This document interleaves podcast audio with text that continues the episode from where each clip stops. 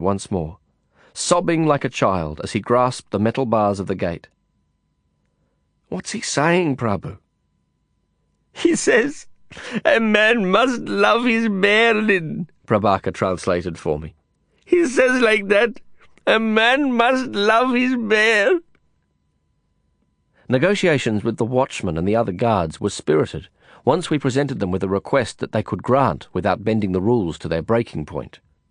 Prabhakar thrived in the theatrically energetic barter, protesting and pleading with equal vigour. At last he arrived at an agreed sum, 200 rupees, about 12 American dollars, and the mustachioed watchman unlocked the gate for the bear handlers, while I handed over the bundle of notes. In a strange procession of people and purposes, we filed down the steel stairs, and the ground floor watchman unlocked the cell that housed Kano. At the sound of their voices, the great bear rose from his seated position, and then fell forward on all fours, dragged downward by the chains. The bear swayed its head from side to side in a joyful dance and pawed at the ground. When the bear handlers rushed to greet him, Kano drove his snout into their armpits and nuzzled in their long, dreadlocked hair snuffling and sniffing at their scent. For their part, the blue men smothered him in affectionate caresses and sought to ease the stress of the heavy chains. We left them in the enclosure of that embrace. When the steel cell door slammed shut on Kano and his handlers, the sound rattled through the empty parade ground, gouging echoes from the stone. I felt that sound as a shiver in my spine as Prabhakar and I walked out of the police compound. It is a very fine thing that you have done tonight, Lin Baba, Prabhakar gushed. A man must love his bear. That is what they said, those bear handling fellows, and you have made it come true. It is a very, very, very fine thing that you have done. We woke a sleeping cab driver outside the police station on Colaba Causeway. Prabhakar joined me in the back seat, enjoying the chance to play tourist in one of the cabs he frequently drove. As the taxi pulled out from the curb, I turned to see that he was staring at me. I looked away. A moment later, I turned my head and found that he was still staring. I frowned at him, and he wagged his head. He smiled his world embracing smile for me and placed his hand over his heart. What? I asked irritably, although his smile was irresistible, and he knew it, and I was already smiling with him in my heart. A man, he began, intoning the words with sacramental solemnity. Not again, Prabhu. Must love his bear, he concluded, patting at his chest and wagging his head frantically. Oh, God help me, I moaned, turning again to look at the awkward stir and stretch of the waking street. At the entrance to the slum, Prabhakar and I separated as he made his way to Kumar's chai shop for an early breakfast. He was excited.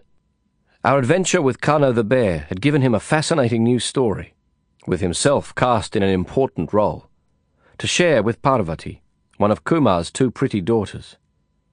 He hadn't said anything to me about Parvati, but I'd seen him talking to her, and I guessed that he was falling in love. In Prabhakar's way of courtship, a young man didn't bring flowers or chocolates to the woman he loved. He brought her stories from the wider world, where men grappled with demons of desire and monstrous injustice. He brought her gossip and scandals and intimate secrets. He brought her the truth of his brave heart and the mischievous, awe-struck wonder that was the wellspring of his laughter and of that sky-wide smile. And as I watched him scurry toward the chai shop, I saw that already his head was wagging and his hands were waving as he rehearsed the story that he brought to her as the new day's gift.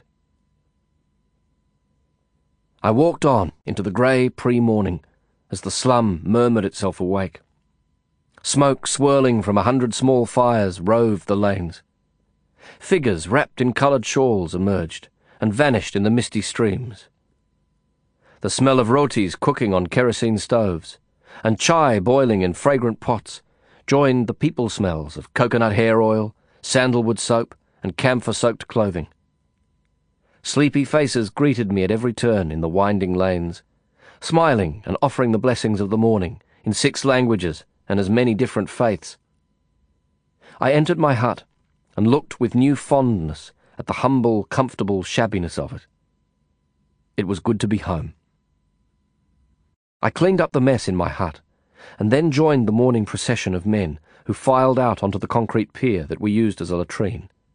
When I returned, I discovered that my neighbours had prepared two full buckets of hot water for my bath. I rarely bothered with the laborious and time-consuming procedure of heating several pots of water on the kerosene stove, preferring the lazier, if less luxurious option of a cold water bath. Knowing that, my neighbours sometimes provided it for me. It was no small service.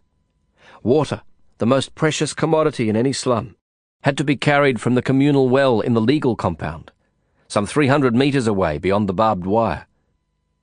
Because the well was only open twice a day, there were hundreds of people in the shove and wrestle for water, and each bucket was dragged into the light with bluff and scratch and shout. Carried back and hoisted through the wire, the water had to be boiled in saucepans on small kerosene stoves, at some cost of the relatively expensive fuel. Yet when they did that for me, none of my neighbours ever took credit for it or expected thanks. The water I used might have been boiled and brought there by Amir's family, as a sign of appreciation for the treatment I'd given him. It might have come from my nearest neighbour, or it might have been provided by one of the half dozen people who stood around and watched me bathe. I would never know. It was one of those small, uncelebrated things people did for me every week. In a sense, the ghetto existed on a foundation of those anonymous, unthankable deeds. Insignificant and almost trivial in themselves, but collectively essential to the survival of the slum. We soothed our neighbours' children as if they were our own when they cried. We tightened a loose rope on someone else's hut when we noticed it sagging, and adjusted the lay of a plastic roof as we passed by. We helped one another without being asked, as if we were all members of one huge tribe or family, and the thousand huts were simply rooms in our mansion home. At his invitation, I breakfasted with Qasim Ali Hussein. We drank sweet tea spiced with clove, and ate waffle-style rotis filled with ghee and sugar, and rolled into tubes. Ranjit's lepers had delivered a new batch of medicines and bandages on the previous day. Because I was away all afternoon, they'd left the bundles with Qasim Ali. We sorted through them together. Qasim Ali couldn't read or write English, and he insisted that I explain the contents and uses of the various capsules, tablets, and salves that I'd ordered. One of his sons, Ayub, sat with us, and wrote the name and description of each medicine in the Urdu script on tiny fragments of paper, and patiently attached a label to every container or tube of cream with adhesive tape. I didn't know it then, but Qasim Ali had chosen Ayub to be my assistant, to learn everything possible about medicines and their uses, so that he could replace me when the time came, as the headman was sure that it would, for me to leave the slum. It was eleven o'clock when I finally found time to stop at Carla's small house near the Colaba market. There was no answer to my knocking. Her neighbours told me she'd gone out an hour earlier. They had no idea when she would return. I was annoyed. I'd left my boots and jeans inside, and I was anxious to retrieve them, to get out of those loose but uncomfortable clothes, those clothes that were hers. I hadn't exaggerated when I'd told her that the jeans, t-shirt and boots were my only clothes. In my hut there were only two lungis, which I wore for sleeping, bathing, or for when I washed my jeans. I could have bought new clothes, a t-shirt, jeans, and track shoes would have cost me no more than four or five American dollars in the clothing bazaar at Fashion Street. But I wanted my own clothes, the clothes I felt right in. I left a grumble of words for her in a note, and set off to keep my appointment with Kader. The great house on Muhammad Ali Road seemed to be empty when I arrived. The six panels of the street door were folded back, and the spacious marble entrance hall was exposed. Thousands of people walked past every hour, but the house was well known, and no one on the street seemed to pay any attention to me as I entered, knocking on the green panels to announce my arrival. After a few moments, Nazir came to greet me, his frown vaguely hostile. He directed me to swap my street shoes for a pair of house slippers, and then led me along a tall, narrow corridor in the opposite direction to that of the room I'd visited the night before. We passed a number of closed rooms as the corridor wound through two right turns, and eventually came out upon an inner courtyard. The very large oval space was open to the sky in the centre, as if a great hole had been cut in the thick plasterwork of the ceiling. It was paved with heavy, square Maharashtrian stone, and surrounded by pillared arches that gave a cloister effect. There were many plants and flowering shrubs in the wide circle of the interior garden, and five tall, slender palms. The fountain that I'd heard from the meeting room, where we'd talked about suffering, was the centerpiece. It was a circle of marble about a metre in height and four metres in diameter, with a single huge uncut boulder in the centre. Water seemed to spout from the very core of the enormous stone. At its peak, the small fountain curved into a lily shaped plume before splashing gently onto the smooth, rounded surfaces of the boulder and flowing with rhythmic musical flourishes into the pond of the fountain. Kaderbai was sitting in a cane emperor chair to one side of the fountain. He was reading a book, which he closed and placed on a glass topped table when I arrived. Salam alaikum, Mr. Lin, he replied. Peace be with you. Wa alaikum salam. Aap kaise hai. And with you be peace. How are you, sir? I am well, thank you. Mad dogs and Englishmen may very well be out and about in the midday sun, but I prefer to sit here, in the shade of my humble garden. Not so humble, Kaderbai, I remarked. Do you think it's altogether too grand? No, no, I didn't mean that, I said hurriedly, because that's precisely what I've been thinking. I couldn't help but recall that he owned the slum where I lived the dusty, barren slum of 25,000 people, where nothing green existed after eight rainless months, and the only water was rationed from wells that were padlocked shut most of the time. This is the most beautiful place I've ever seen in Bombay. I couldn't have imagined this from the street outside. He stared at me for a few moments as if measuring the exact width and depth of the lie, and then waved me to a small, backless stool that was the only other chair in the courtyard. Please sit down, Mr. Lin. Have you eaten? Yes, thank you. I had a late breakfast. Allow me to serve you tea, at least. Nazir! Idar ao! he shouted, his voice startling a pair of doves that had been pecking for crumbs at his feet. The birds flew up and flapped around Nazir's chest as he entered. They seemed to be unafraid of him, even to recognize him, and they settled on the flagstones once more, following him like tame puppies. Chai bono, Nazir, Kaderbai commanded. His tone with the driver was imperious, but not severe, and I guessed that it was the only tone Nazir felt comfortable with and respected. The burly Afghan withdrew silently, the birds hop running behind him into the very house. Kaderbai, there's something I want to say before we talk about anything else, I began quietly. My next words drew his head up swiftly, and I knew that I had his full attention. It's about Sapna. Yes, go on, he murmured. Well, I thought about it a lot last night. What we were talking about, and what you asked me to do at the meeting, to sort of help you and so on and I've got a problem with it. He smiled and raised one eyebrow quizzically, but he said nothing more, and I was forced to explain myself further.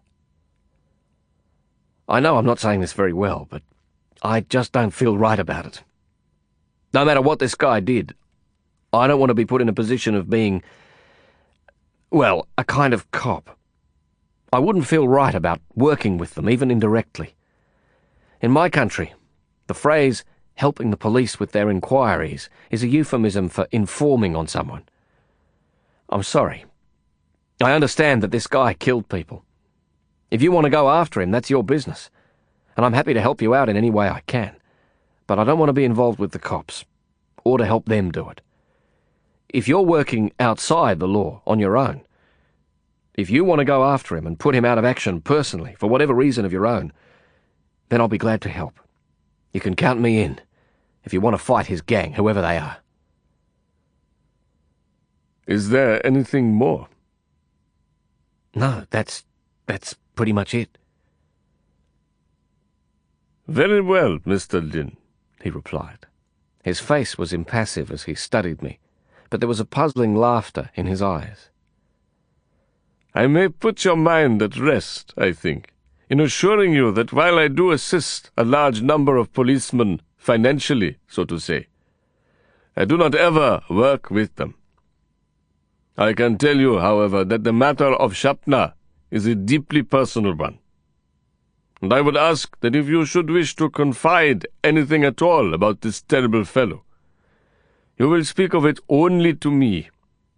You will not speak to any of the gentlemen you met here last night about this Sapna, or or to anyone else. Is that agreed? Yes, yes, that's agreed. Was there anything else? Well, no. Excellent. Then to business. I have very little time today, Mr. Lin, so I will come directly to the point of the matter. The favor that I mentioned yesterday. I want you to teach one small boy named Tariq the English language. Not everything, of course, but enough that his English will be considerably improved, and that he will have some little advantage when he begins his formal studies. Well, I'll be happy to try, I stammered, bewildered by the request, but not daunted by it. I felt competent to teach the fundamentals of the language that I wrote in every day of my life. I don't know how good I'll be at it. I think there must be a lot of people who'd be better than I would, but I'm happy to take a shot at it. Where do you want me to do it? Would I come here to teach him? He looked at me with benign, almost affectionate condescension. Why, he will stay with you. Naturally. I want you to have him with you, constantly, for the next ten or twelve weeks. He will live with you, eat with you, sleep at your house, go where you go. I do not simply want that he learns the English phrases. I want that he learns the English way, your way. I want that he learns this with your constant company. But, but I'm not English, I objected stupidly. This is no matter. You are English enough, don't you think? You are a foreigner, and you will teach him the ways of a foreigner. It is my desire. My mind was hot, my thoughts scattered and flapping like the birds that he'd startled with his voice. There had to be a way out. It was impossible. But I live at the Zhopadpatti. You know that. It's very rough. My hut is really small and there's nothing in it. He'll be uncomfortable. And it's it's dirty and crowded and where would he sleep and all that? I am aware of your situation, Mr. Lin, he replied, a little sharply. It is precisely this, your life in the Zhopadpatti, that I want him to know. Tell me your honest opinion. Do you think that there are lessons to be learned in the slum? Do you think he will benefit from spending some time with the city's poorest people? I did think that, of course. It seemed to me that every child, beginning with the sons and daughters of the rich, would benefit from the experience of slum life. Yes, I suppose I do. I do think it's important to see how people live there. But you have to understand it's a huge responsibility for me. I'm not doing a spectacular job of looking after myself. I don't know how I could look after a kid. Nazir arrived with the tea and a prepared chillum. Ah, here is our tea. We shall first smoke, yes? We first smoked. Nazir squatted on his haunches to smoke with us. As Kader Bhai puffed on the clay funnel, Nazir gave me a complex series of nods, frowns, and winks that seemed to say, Look, see how the master smokes. See what a great lord he is. See how much he is that you and I will never be. See how lucky we are to be here with him. Nazir was a head shorter than I was, but I guessed that he was at least several kilos heavier. His neck was so thick that it seemed to draw his powerful shoulders up towards his ears. The bulky arms that stretched the seams of his loose shirt appeared to be only slightly more slender than his thighs. His broad, permanently scowling face was composed of three downward curves, something like the insignia of sergeant's stripes. The first of them consisted of his eyebrows, which began a little above and in the centre of his eyes, and descended with bristling unruliness along the slope of his frown to the level of the eyes themselves. The second curve began in the deep grooves at the wings of his nose, and divided his face all the way to the jaw. The third was drawn by the desperate, pugnacious unhappiness of his mouth, the upside down horseshoe of bad luck that fate had nailed to the doorpost of his life. A ridge of purplish scar tissue was prominent on the brown skin of his forehead. His dark eyes moved in their deep hollows like hunted things, constantly seeking concealment. His ears looked as though they'd been chewed by some beast that had blunted its teeth on them and given up the task. His most striking feature was his nose, an instrument so huge and magnificently pendulous that it seemed designed for some purpose altogether more grand than merely inhaling air and fragrances. I thought him ugly then, when I first knew him, not so much for the unbeautiful set of his features as for their joylessness. It seemed to me that I'd never seen a human face in which the smile had been so utterly defeated. The chillum returned to me for the third time, but the smoke was hot and tasted foul. I announced that it was finish. Nazir seized it from me roughly and puffed with furious determination managing to extract a dirty brown cloud of smoke.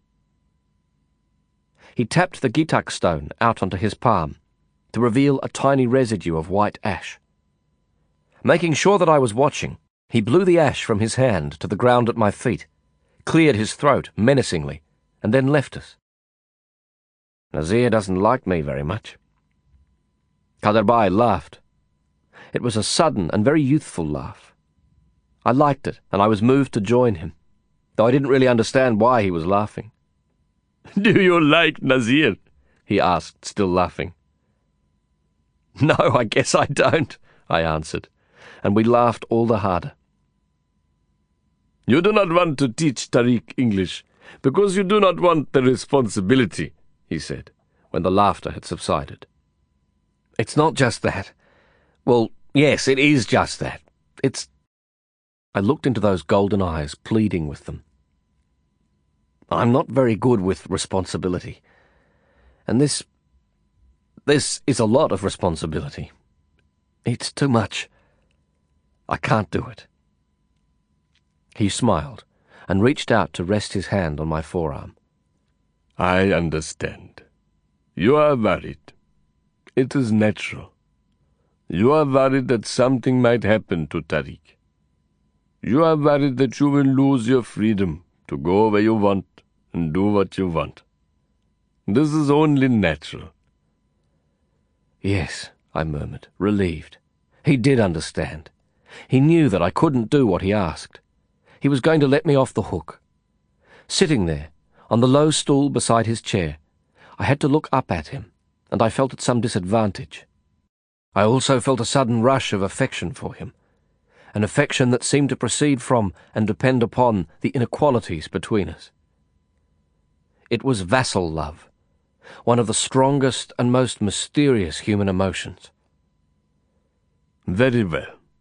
My decision is this, Lin. You will take Tariq with you and have him remain with you for two days. If, after these forty-eight hours, you think it is impossible for the situation to continue. You will bring him back here, and I will ask no more of you. But I am sure that he will be no problem to you. My nephew is a fine boy. Your nephew? Yes, the fourth son of my youngest sister, Farishta. He is eleven years old. He has learned some English words, and he speaks Hindi, Pashto, Urdu, and Marathi fluently. He is not so tall for his age, but he is most sturdy in his health. Your nephew, I began again, but he cut me off quickly. If you find that you can do this thing for me, you will see that my dear friend in the Jopad party, Qasim Ali Hussein, you know him, of course, as the head man, he will help you in every way. He will arrange for some families, including his own, to share your responsibility and provide homes for the boy to sleep in as well as your own. There will be many friends to help you look after Tariq. I want him to know the hardest life of the poorest people. But above all, I want him to have the experience of an English teacher. This last thing means a great deal to me. When I was a boy, he paused, allowing his gaze to shift and settle on the fountain and the wet surface of the great round boulder. His eyes gleamed, reflecting the liquid light on the stone. Then a grave expression passed across them, like a cloud shadow slinking over smooth hills on a sunny day. So, forty-eight hours, he sighed, bringing himself to the moment. After that, if you bring him back to me, I will not think the worse of you. Now it is time for you to meet the boy. Kaderbai gestured towards the arches of the cloister behind me, and I turned to see that the boy was already standing there. He was small for his age. Kaderbai had said that he was eleven years old, but he seemed to be no more than eight. Dressed in clean, pressed kurta pyjama, and leather sandals. He clutched a tied calico bundle in his arms. He stared at me with such a forlorn and distrustful expression that I thought he might burst into tears. Kaderbai called him forward, and the boy approached us, making a wide detour around me to the far side of his uncle's chair. The closer he came, the more miserable he seemed. Kaderbai spoke to him sternly and swiftly in Urdu pointing at me several times. When he finished, the boy walked to my stool and extended his hand to me. Hello very much, he said, his eyes huge with reluctance and fear. I shook hands with him, his small hand vanishing in mine. Nothing ever fits the palm so perfectly, or feels so right, or inspires so much protective instinct as the hand of a child. Hello to you too, Tariq, I said, smiling in spite of myself. His eyes flickered a tiny hopeful smile in response, but doubt quickly smothered it. He looked back to his uncle. It was a look of desperate unhappiness, drawing his closed mouth wide and pulling his small nose in so tightly that it showed white at the corners. Kaderbai returned the look, staring strength into the boy, then stood up and called for Nazir once more in that half shout.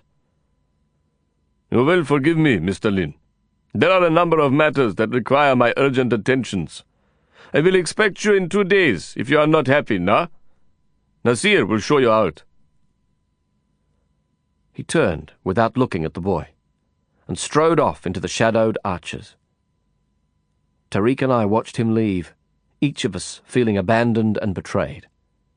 Nazir walked with us to the door. As I changed into my street shoes, Nazir knelt and pressed the boy to his chest with surprising and passionate tenderness.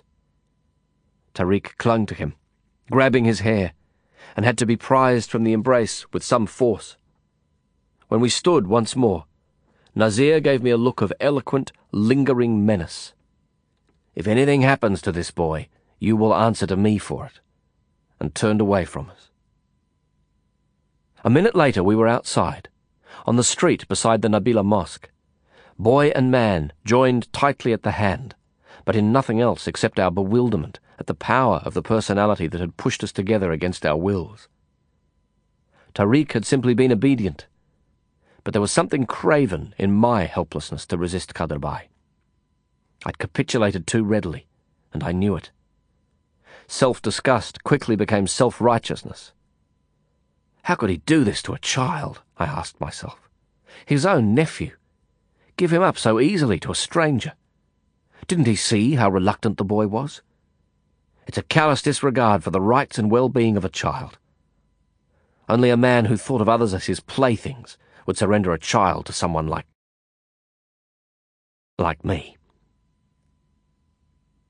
Furious at my feeble pliancy, how did I let him force me to do this? And burning with spite and selfishness, I dragged Tariq along at a jogging trot as I marched through the swarming street. Just as we passed the main entrance to the mosque, the muezzin began to recite the call to prayer from the minarets above our heads.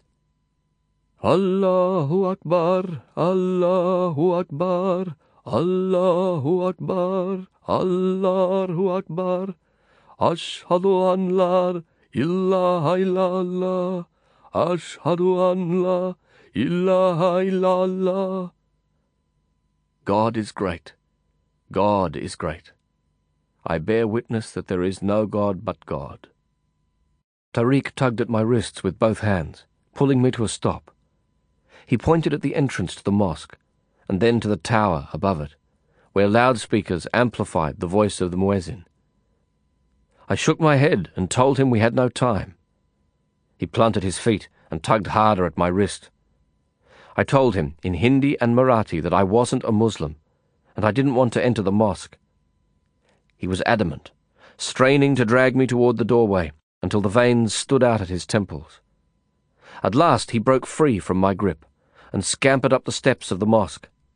Kicking his sandals aside, he darted inside before I could stop him. Frustrated and wavering, I hesitated at the large open archway of the mosque. I knew that it was permitted for non-believers to enter. People of any faith may enter any mosque and pray or meditate or simply admire and wonder. But I knew that the Muslims regarded themselves as a minority under siege in the predominantly Hindu city. Violent confrontations between religionists were common enough. Prabaker warned me once that clashes had occurred between militant Hindus and Muslims outside that very mosque. I had no idea what to do. I was certain there were other exits, and if the boy decided to run off, there would be little chance of finding him. A throbbing dread drummed in my heart at the thought that I might have to return to Kaderbai and tell him I'd lost his nephew, not a hundred metres from where he'd entrusted the boy to me. Just as I made up my mind to go inside and search the mosque, Tariq came into view, passing from right to left across the huge, ornately tiled vestibule. His hands, feet, and head were wet, and it seemed that he'd washed himself hurriedly. Leaning as far into the entrance as I dared, I saw the boy take up a position at the rear of a group of men and begin his prayers. I sat down on an empty pushcart and smoked a cigarette. To my great relief, Tariq emerged after a few minutes, collected his sandals, and came over to join me.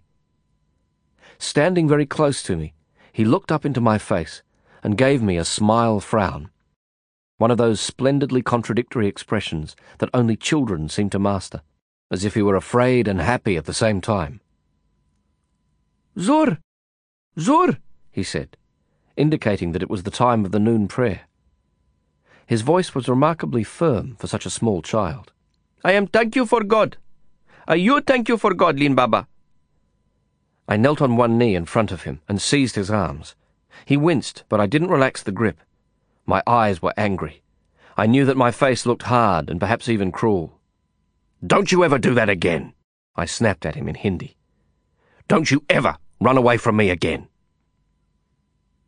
He frowned at me, defiant and afraid. Then his young face hardened into the mask we use to fight back tears. I saw his eyes fill, and one tear escaped to roll down his flushed cheek. I stood and took a step away from him. Glancing around me, I saw that a few men and women had stopped on the street to stare at us. Their expressions were grave, although not yet alarmed. I reached out to offer the boy an open palm. He put his hand in mine, reluctantly, and I struck out along the street, toward the nearest taxi stand.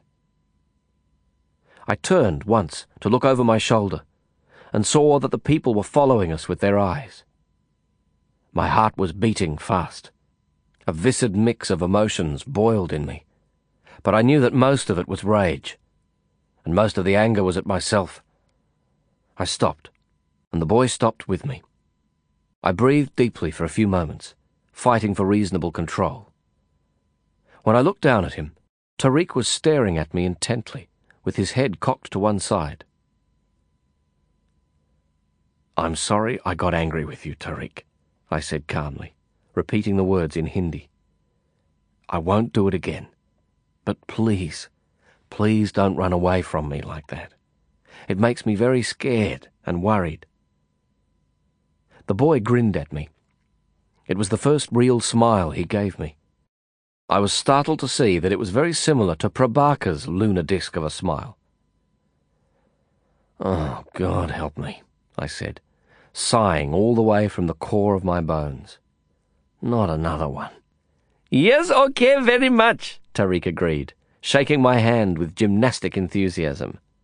God help you and me all day, please.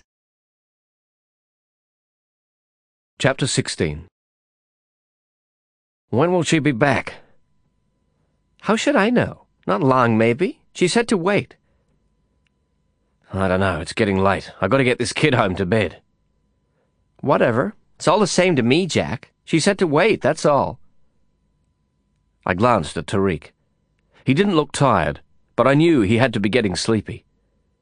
I decided that a rest was a good idea before the walk home. We kicked off our shoes and entered Carla's house, closing the street door behind us. I found some chilled water in the large, old-fashioned refrigerator. Tariq accepted a glass and sat down on a pile of cushions to flip through a copy of India Today magazine. Lisa was in Carla's bedroom, sitting on the bed with her knees drawn up. She was wearing a red silk pajama jacket and nothing else. A patch of her blonde pubic hair was visible, and I glimpsed reflexively over my shoulder to make sure that the boy couldn't see into the room. She cradled a bottle of Jack Daniels in her folded arms. Her long curly hair was tied up into a lopsided bun. She was staring at me with an expression of calculated appraisal, one eye almost closed. It reminded me of the look that marksmen concentrate on their targets in a firing range. So where'd you get the kid? I sat on a straight-backed chair, straddling it, so that my forearms could rest on the back. I sort of inherited him. I'm doing someone a favour. A favor? she asked, as if the word was a euphemism for some kind of infection. Yeah. A friend of mine asked me to teach the kid a little English. So what's he doing here? Why isn't he at home? I'm supposed to keep him with me. That's how he's supposed to learn. You mean keep him with you all the time? Everywhere you go? That's the deal. But I'm hoping to give him back after two days. I don't know how I got talked into it in the first place, really. She laughed out loud. It wasn't a pleasant sound. The state she was in gave it a forced and almost vicious edge. Still, the heart of it was rich and full, and I thought it might have been a nice laugh once. She took a swig from the bottle, exposing one round breast with the movement. I don't like kids, she said proudly as if she was announcing that she'd just received some distinguished award. She took another long drink. The bottle was half full. I realized that she was early drunk, in that squall of coherence before slurred speech and clumsiness and collapse. Look, I just want to get my clothes, I muttered, looking around the bedroom for them. I'll pick them up and come back and see Carla another time. I'll make you a deal, Gilbert, the name's Lin, I insisted, although that too was a false name. I'll make you a deal, Lin. I'll tell you where your clothes are if you agree to put them on here in front of me. We didn't like each other. We stared across the kind of bristling hostility that's sometimes as good as or better than mutual attraction. Assuming you can handle it, I drawled, grinning in spite of myself. What's in it for me? She laughed again, and it was stronger and more honest. You're all right, Lin. Get me some water, will you? The more of this stuff I drink, the goddamn thirstier I get. On my way to the small kitchen, I checked on Tariq. The boy had fallen asleep. His head was tipped back onto the cushions, and his mouth was open. One hand was curled up under his chin, and the other still grasped weakly at the magazine. I removed it and covered him with a light woolen shawl that was hanging from a set of hooks. He didn't stir, and seemed to be deep in sleep. In the kitchen, I took a bottle of chilled water from the refrigerator, snatched up two tumblers, and returned to the bedroom. The kid's asleep, I said, handing her a glass. I'll let him crash for a while. If he doesn't wake up by himself, I'll get him up later. Sit here, she commanded, patting at the bed beside her. I sat. She watched me over the rim of her glass as I drank first one, then a second full glass of the iced water. The water's good, she said after a while. Have you noticed that the water's good here? I mean, really good. You'd expect it to be fucking slime, I mean, being Bombay and India and all. People are so scared of the water, but it's really much better than the chemical tasting horse piss that comes out of the faucet back home. Where is home? What the fuck difference does it make?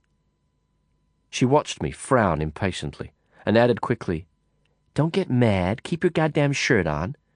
I'm not trying to be a smartass. I really mean it. What difference does it make? I'll never go back there, and you'll never go there in the first place. I guess not. God, it's hot. I hate this time of the year. It's always worst just before the monsoon. It makes me crazy. Doesn't this weather make you crazy? This is my fourth monsoon. You start to count in monsoons after you've been here a while.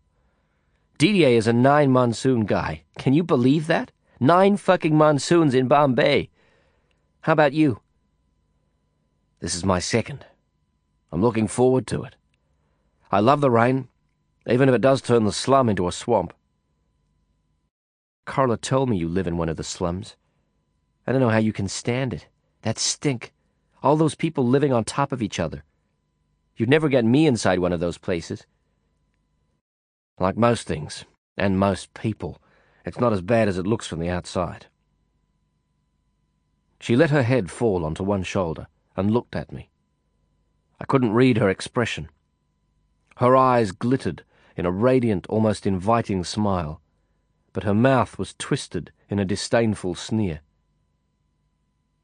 You're a real funny guy, Lin. How did you really get hooked up with that kid? I told you. So what's he like? I thought you didn't like kids. I don't. They're so innocent. Except that they're not. They know exactly what they want, and they don't stop till they get it. It's disgusting. All the worst people I know are just like big grown up children. It's so creepy it makes me sick to my stomach.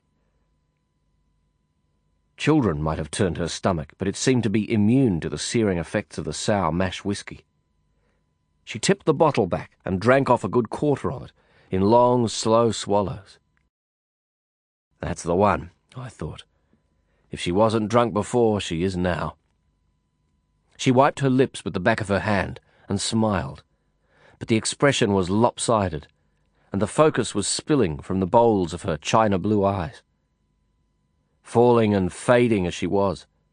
The mask of her many abrasive attitudes began to slip, and she suddenly looked very young and vulnerable. The set of her jaw, angry, fearing, and dislikable, relaxed into an expression that was surprisingly gentle and compassionate. Her cheeks were round and pink.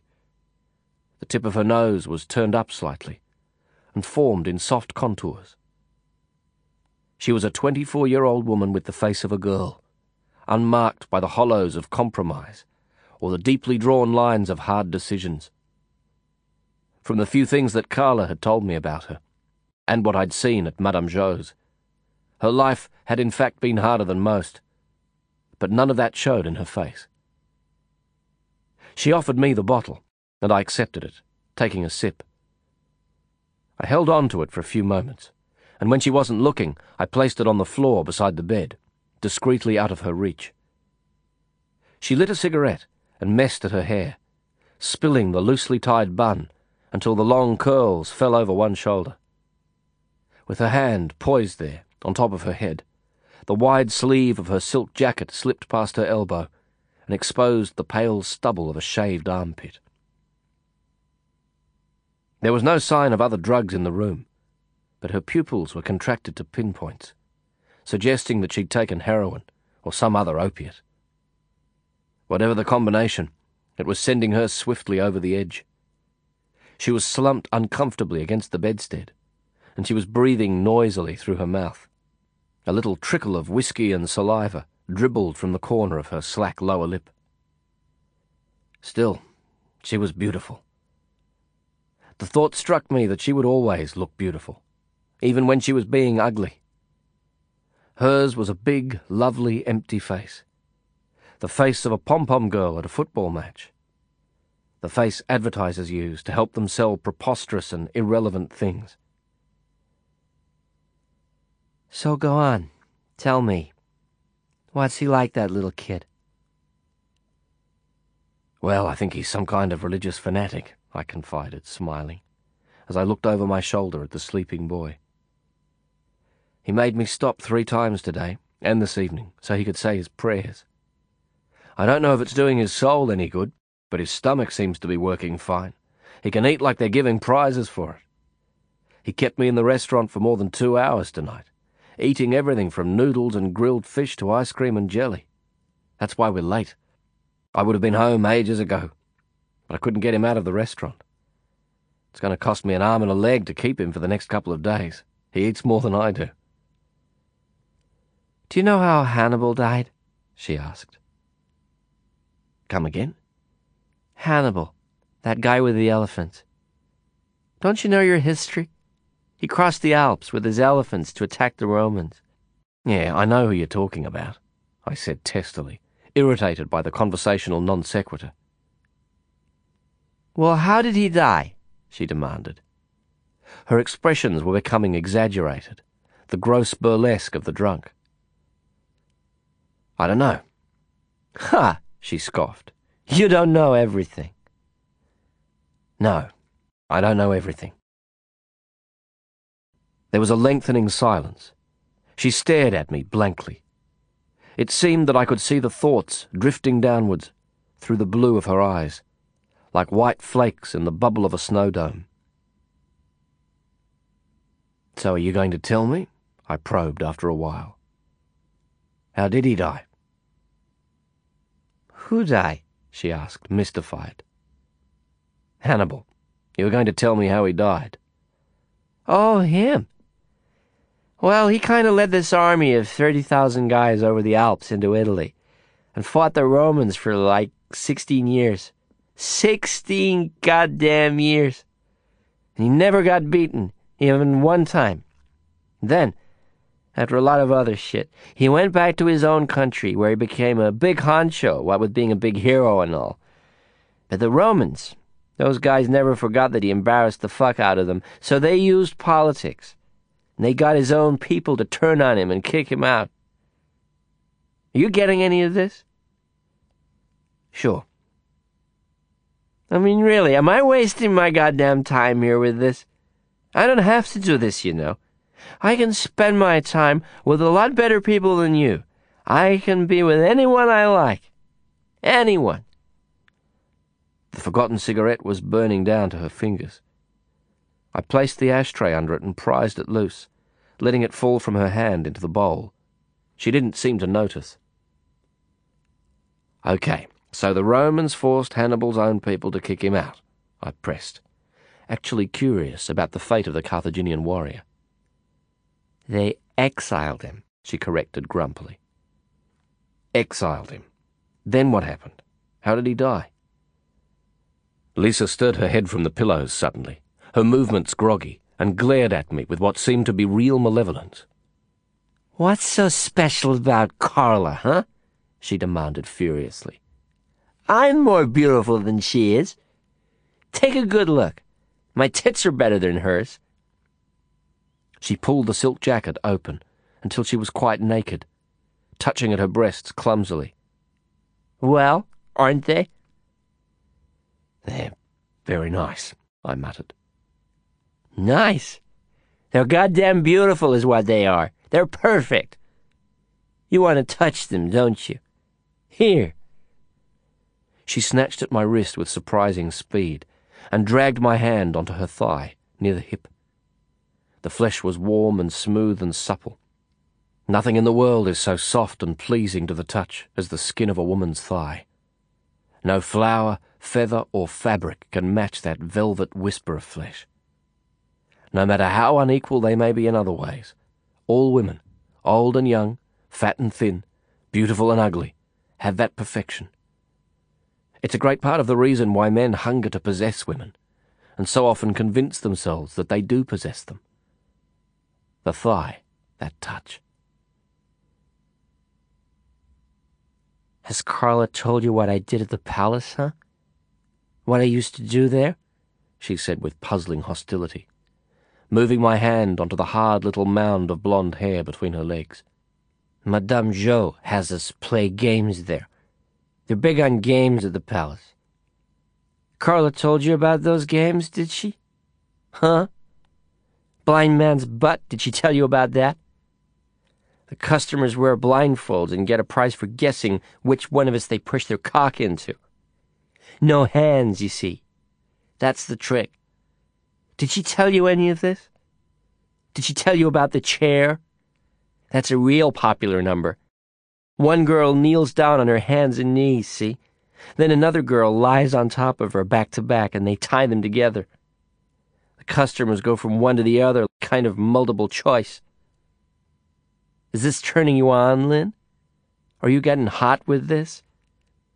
Used to turn Carla's customers on when she brought them to the palace. Carla has a business head. Did you know that? I worked at the palace, but it was just a job, and all I ever made out of it was money. She's the one who made it dirty. She's the one who made it a sick thing. Carla's the one who'll do anything to get what she wants. Damn right. Business head and a heart to match. She was rubbing my hand against herself with both of her own hands, grinding against it with rolling motions of her hips.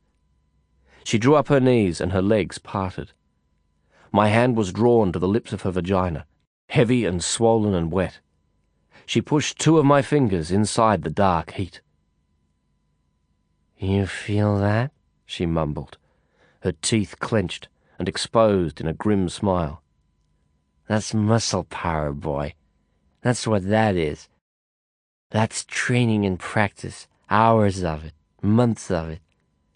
Madame Zhou makes us squat and squeeze down hard on a pencil to build up a grip like a fist. I got so fucking good at it I could write a letter with the goddamn thing. You feel how good that is?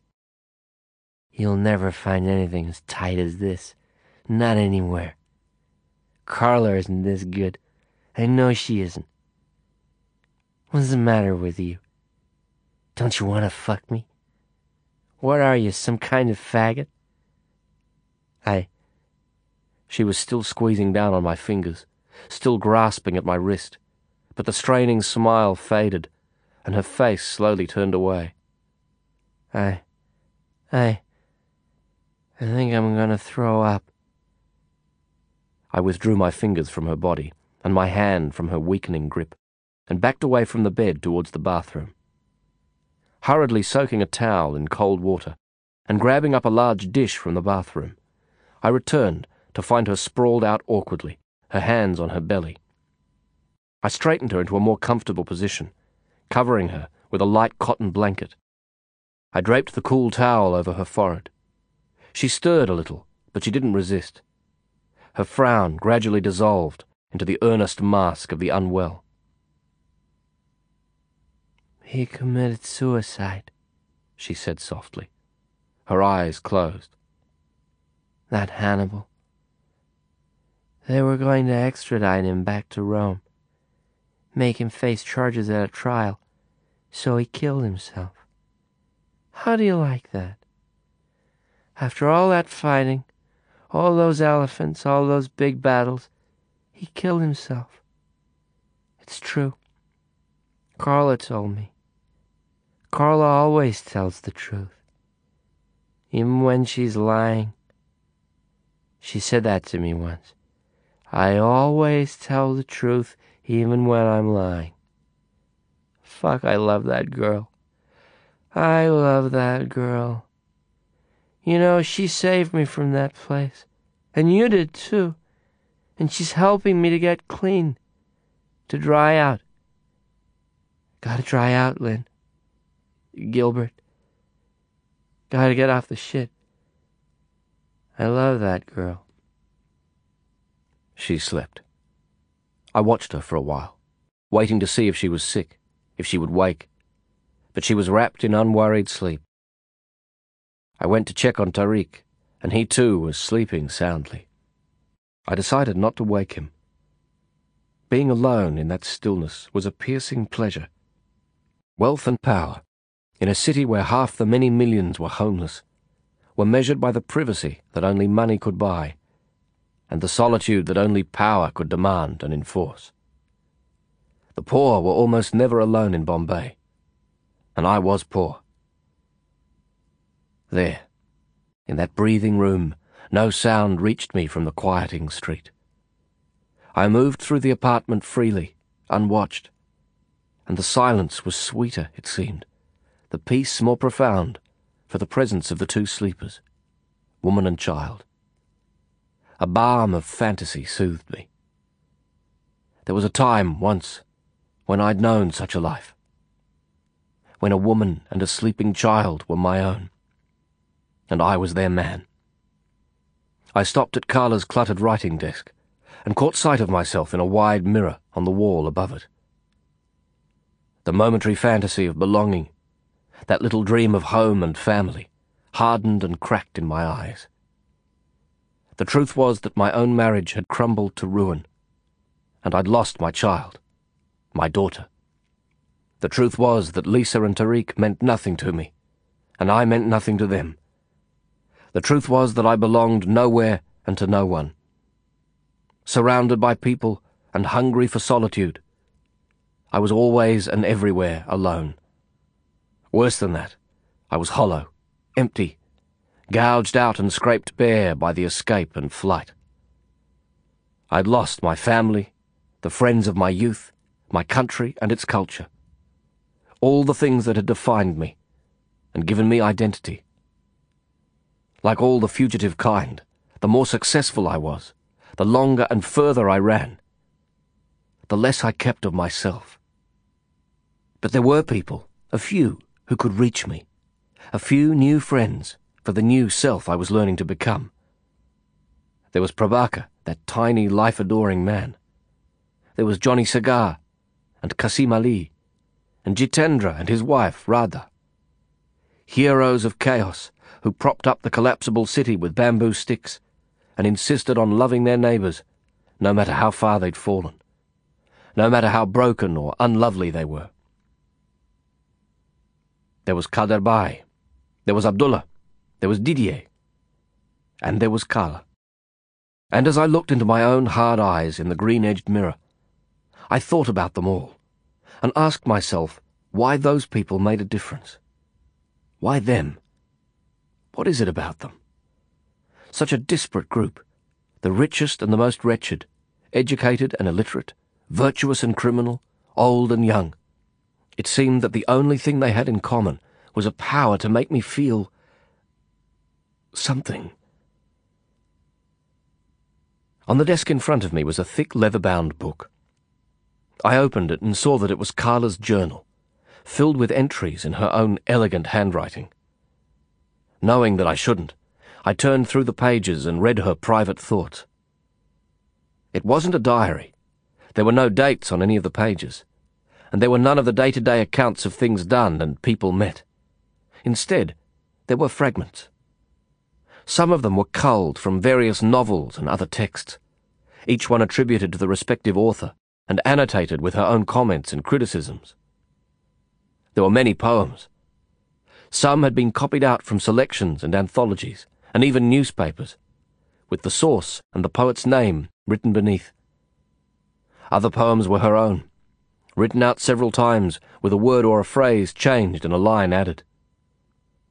Certain words and their dictionary meanings were listed throughout the journal and marked with asterisks, forming a running vocabulary of unusual and obscure words.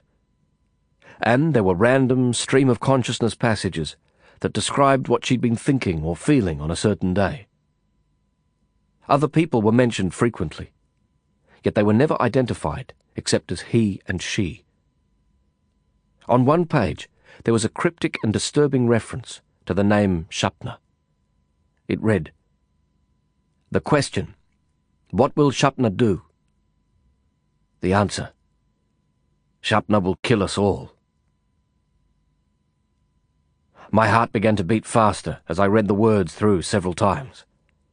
I didn't doubt she was talking about the same man, the Sapna whose followers had committed the gruesome murders Abdul Ghani and Majid had talked about, the Sapna who was hunted by the police and the underworld alike. And it seemed from that strange couplet that she knew something about him, perhaps even who he was. I wondered what it meant, and if she was in danger. I examined the pages before and after the entry more carefully, but I found nothing more that might concern him, or Karla's connection to him. On the second last page of the journal, however, there was one passage that clearly referred to me. He wanted to tell me that he is in love with me. Why did I stop him? Am I so ashamed that it might be true? The view from that place was incredible, amazing. We were so high that we looked down on the kites that flew so high above the children's heads. He said that I don't smile. I'm glad he said that. And I wonder why. Beneath that entry, she'd written the words, I don't know what frightens me more the power that crushes us, or our endless ability to endure it. I remembered the remark very well. I remembered her saying it after the slum huts had been smashed and dragged away. Like so many of the things she said, it had the kind of cleverness that insinuated itself into my memory. I was surprised and perhaps a little shocked to see that she too had remembered the phrase, and that she'd copied it down there, even improving it with more aphoristic roundness than the impromptu remark had possessed. Is she planning to use those words again? I asked myself. With someone else? The last page carried a poem that she'd written, her most recent addition to the almost completed journal. Because it appeared on the page following her reference to me, and because I was so hungry for it, I read the poem and told myself that it was mine. I let myself believe that it was meant for me, or that at least some part of it was born in feelings that were mine. I knew it wasn't true. But love seldom concerns itself with what we know, or with what's true. To make sure none followed where you led, I used my hair to cover our tracks. Sun set on the island of our bed. Night rose, eating echoes. And we were beached there, in tangles of flicker, candles whispering at our driftwood backs. Your eyes above me, afraid of the promises I might keep, regretting the truth we did say, less than the lie we didn't. I went in deep. I went in deep. To fight the past for you. Now we both know. Sorrows are the seeds of loving. Now we both know I will live, and I will die for this love.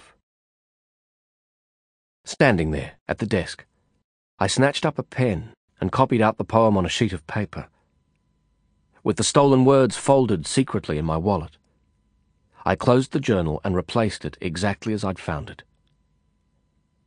I walked to the bookshelf. I wanted to study the titles for clues to the woman who'd chosen them and read them. The small library of four shelves was surprisingly eclectic. There were texts on Greek history, on philosophy and cosmology, on poetry and drama. Stendhal's The Charterhouse of Parma, in an Italian translation. a copy of Madame Bovary in the original French, Thomas Mann and Schiller in German, Djuna Barnes and Virginia Woolf in English. I took down a copy of Maldoror by Isidore Ducasse. The pages were dog-eared and heavily annotated in Karla's own hand. I took out another book, a German translation of Gogol's Dead Souls, and it too bore Karla's handwritten notes on many pages. She consumed her books, I saw. She devoured her books, and was unafraid to mark them, even to scar them, with her own comments and system of references. A row of journals, similar to the one I'd discovered on the desk, occupied half of one shelf, some twenty books in all. I took one of them down and flipped through it. The fact that it, like the others, was written in English struck me for the first time. She was born in Switzerland, and she was fluent in German and French, I knew. But when she wrote out her most intimate thoughts and feelings, she used English. I seized on that, telling myself that there were good and hopeful signs in it. English was my language. She spoke to herself from her heart, in my language. I moved around the apartment, studying the things she chose to surround herself with in her private living space. There was an oil painting of women carrying water from a river, with matkas balanced on their heads, and children following with smaller pots on their own heads. Prominently displayed on a dedicated shelf was a hand carved rosewood figure of the goddess Durga. It was surrounded by incense holders. I noticed an arrangement of everlastings and other dried flowers. They were my own favourites, and very unusual in a city where fresh flowers were plentiful and inexpensive. There was a collection of found objects. A huge frond from a date palm that she'd picked up somewhere and fixed to one wall. Shells and river stones that filled a large and waterless fish tank. A discarded spinning wheel on which she'd draped a collection of small brass temple bells. The most colourful articles in the apartment, her clothes, hung from an open rack in one corner of her room rather than in a wardrobe. The clothes were divided into two distinct groups, left and right of the rack. On the left were her networking clothes, smart suits with long, narrow skirts, and the silver sheath of a backless evening dress, among other glamorous dresses.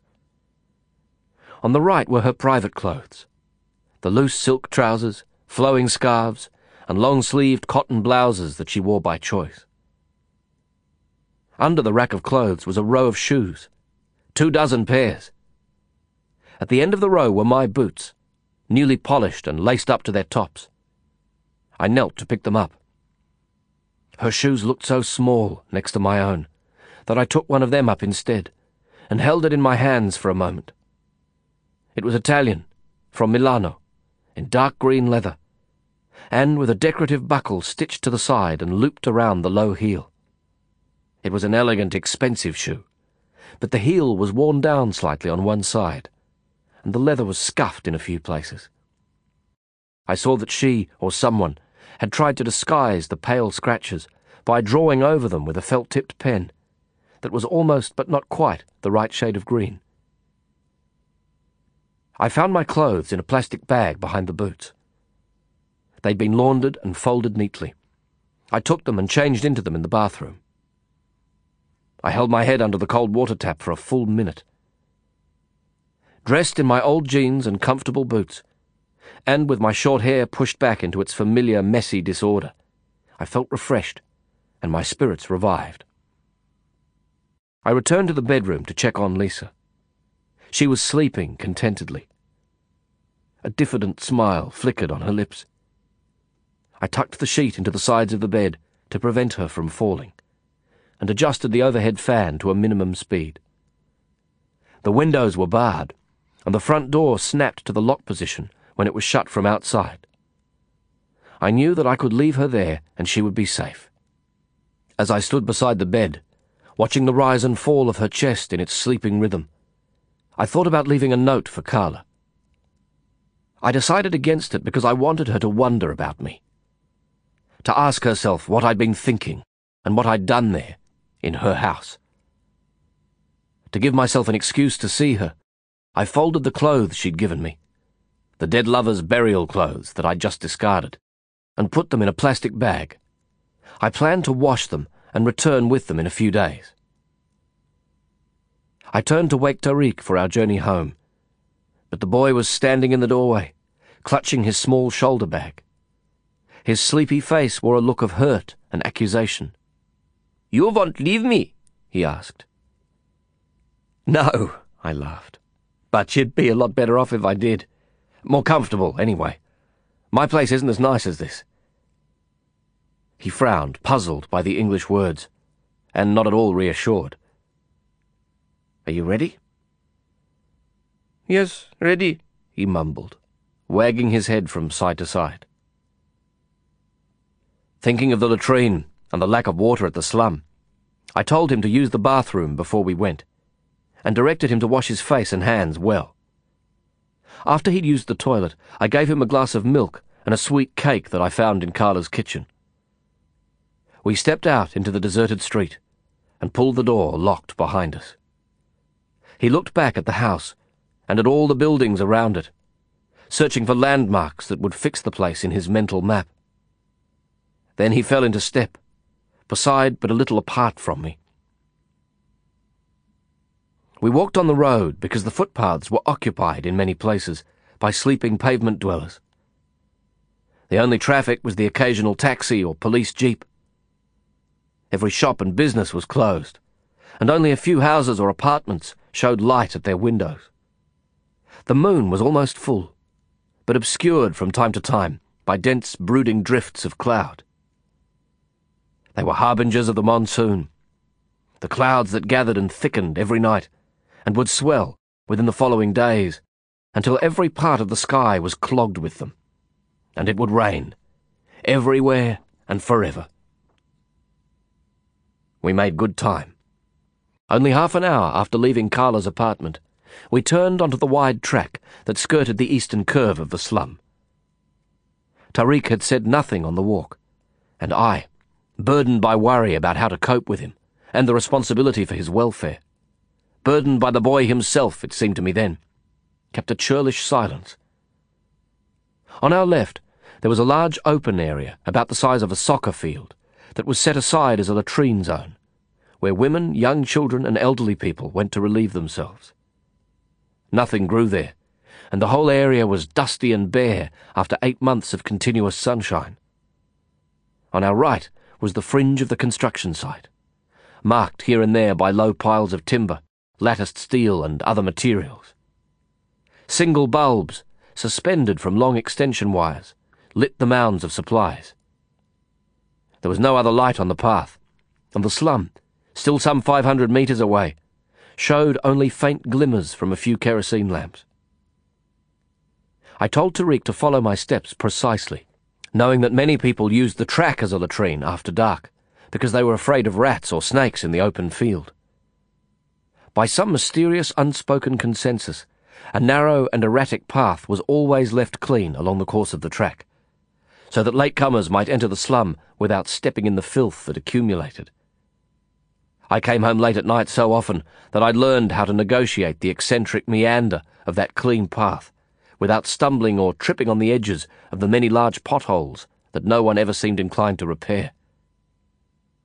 Tariq followed me closely, struggling dutifully to step exactly where I'd walked. The stench there at the edge of the slum was overpowering and sickening for a stranger, I knew.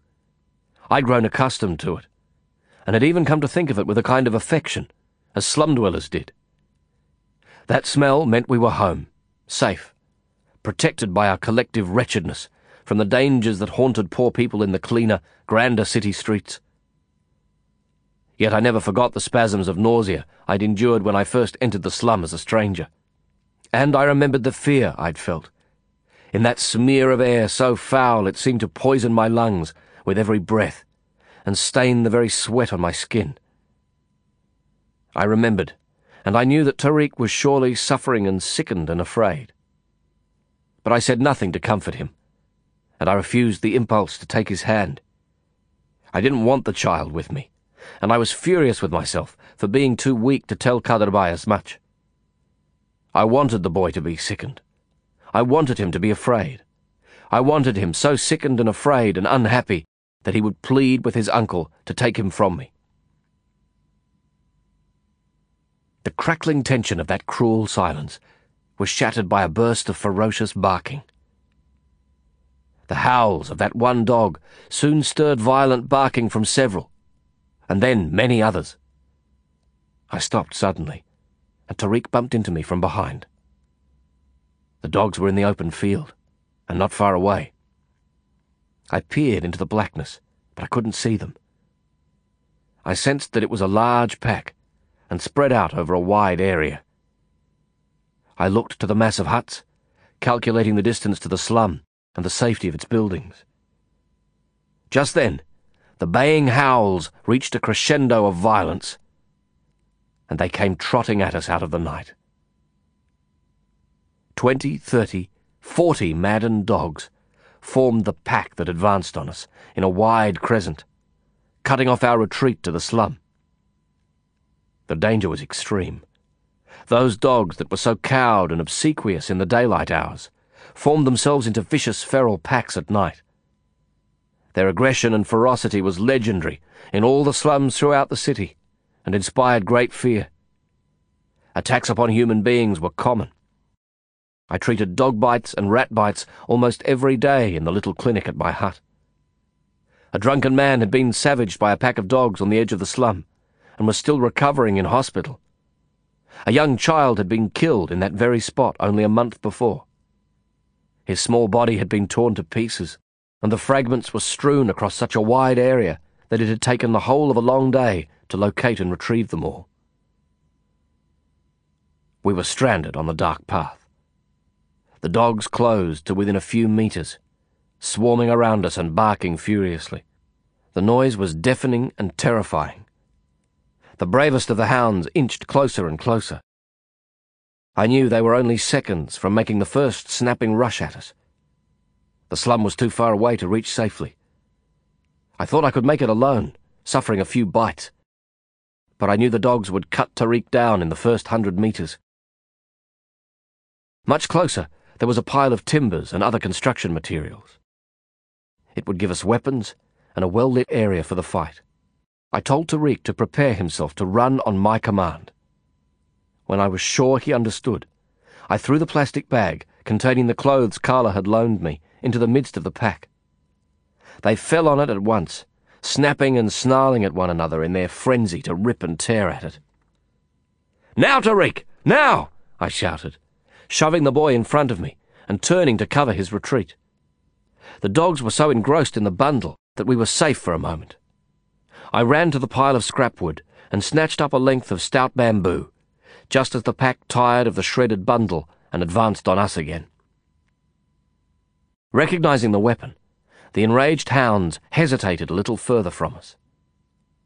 They were many. Too many, I heard myself thinking. There's too many of them. It was the largest pack I'd ever seen. The wild howling goaded the most maddened of them to make a series of rushing feints from several directions. I raised the solid stick and told Tariq to climb onto my back.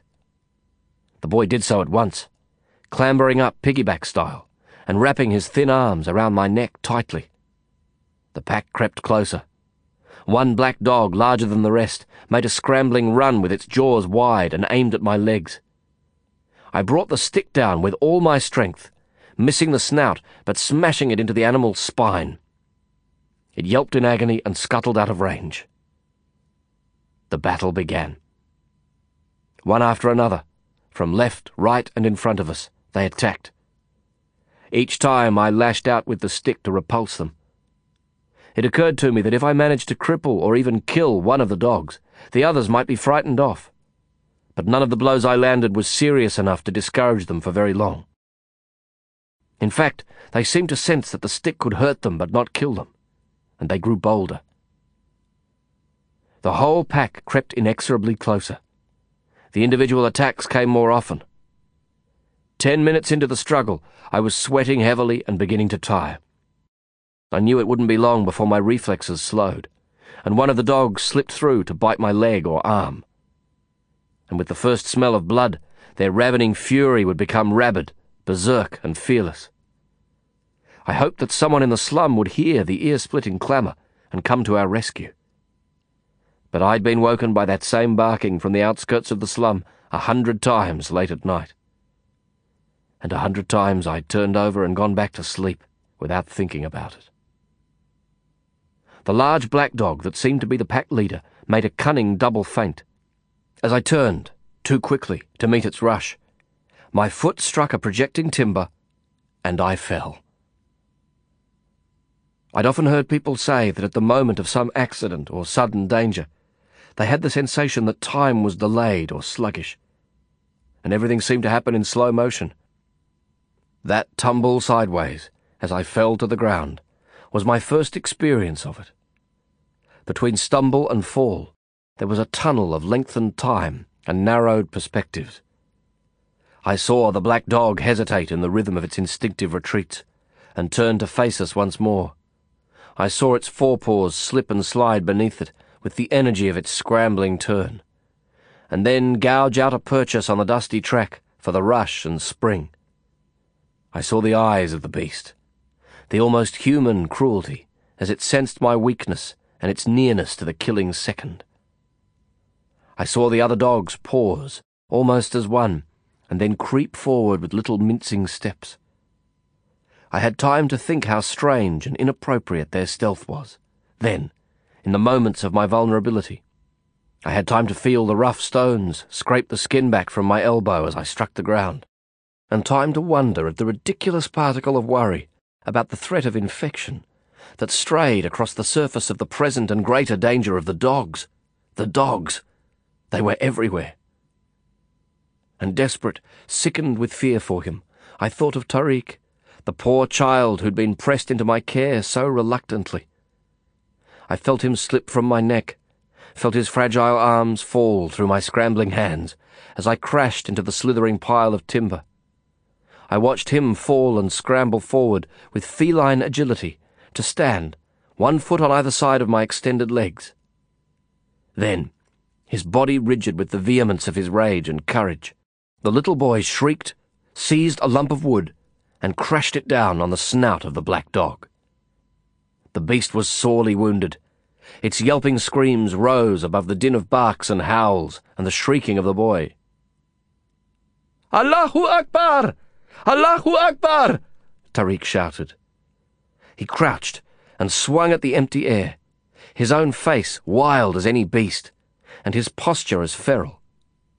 In the last of those impossibly long seconds of my heightened sense, I had time to feel the hot sting of tears as I watched him crouch and swing and fight to defend us. I could see the knuckles of his spine thrust out against his shirt, and the bones of his thin little knees outlined against his trousers. There was so much bravery in that small package. The emotion that burned my eyes was love, the pure, pride-filled love of father for son. I loved him with all my heart in that second as I thrashed up to my feet, and time accelerated from its glue of fear and failure.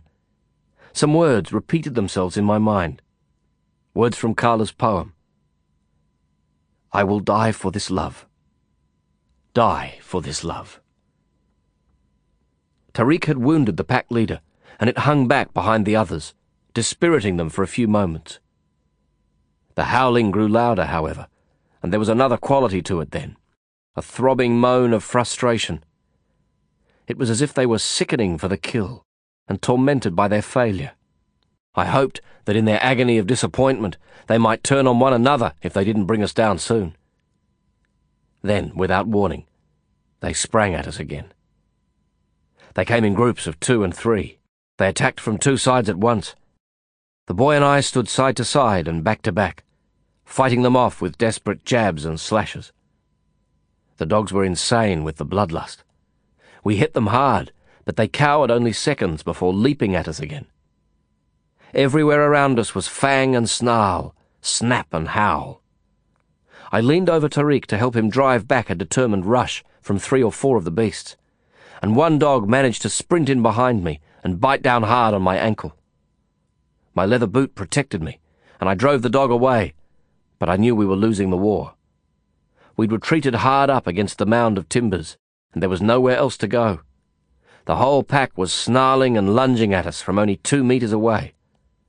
Then, from behind us, there was a sound of growling and the crunching rattle of timbers slipping away under the weight of something that had jumped onto them. I thought that some of the dogs had somehow worked their way around onto the heap. But as I turned to meet the challenge, I saw the black clad figure of Abdullah as he sprang, leaping over our heads, into the midst of the thrashing jaws of the pack. He whirled, striking out left and right.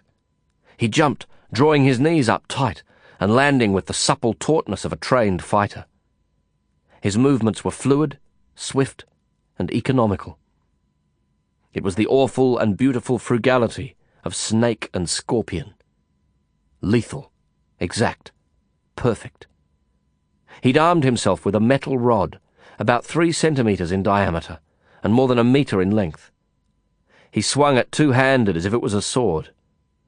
But it wasn't the superior weapon or even his uncanny agility that terrified the dogs and drove them back. What routed them in panicked flight, leaving two of their number skull-cracked dead, was the fact that he'd taken the fight to them, that he'd attacked where we'd defended, that he was sure of winning where we'd merely struggled to survive. It was over quickly. There was silence, where so much sound had screamed. Abdullah turned to look at us with the metal rod held above his shoulder, like a samurai sword.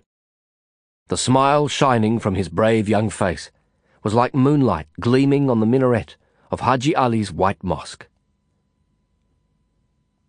Later, while we drank hot and very sweet Suleimani chai in my hut, Abdullah explained that he'd been waiting for me in the hut and heard the dogs.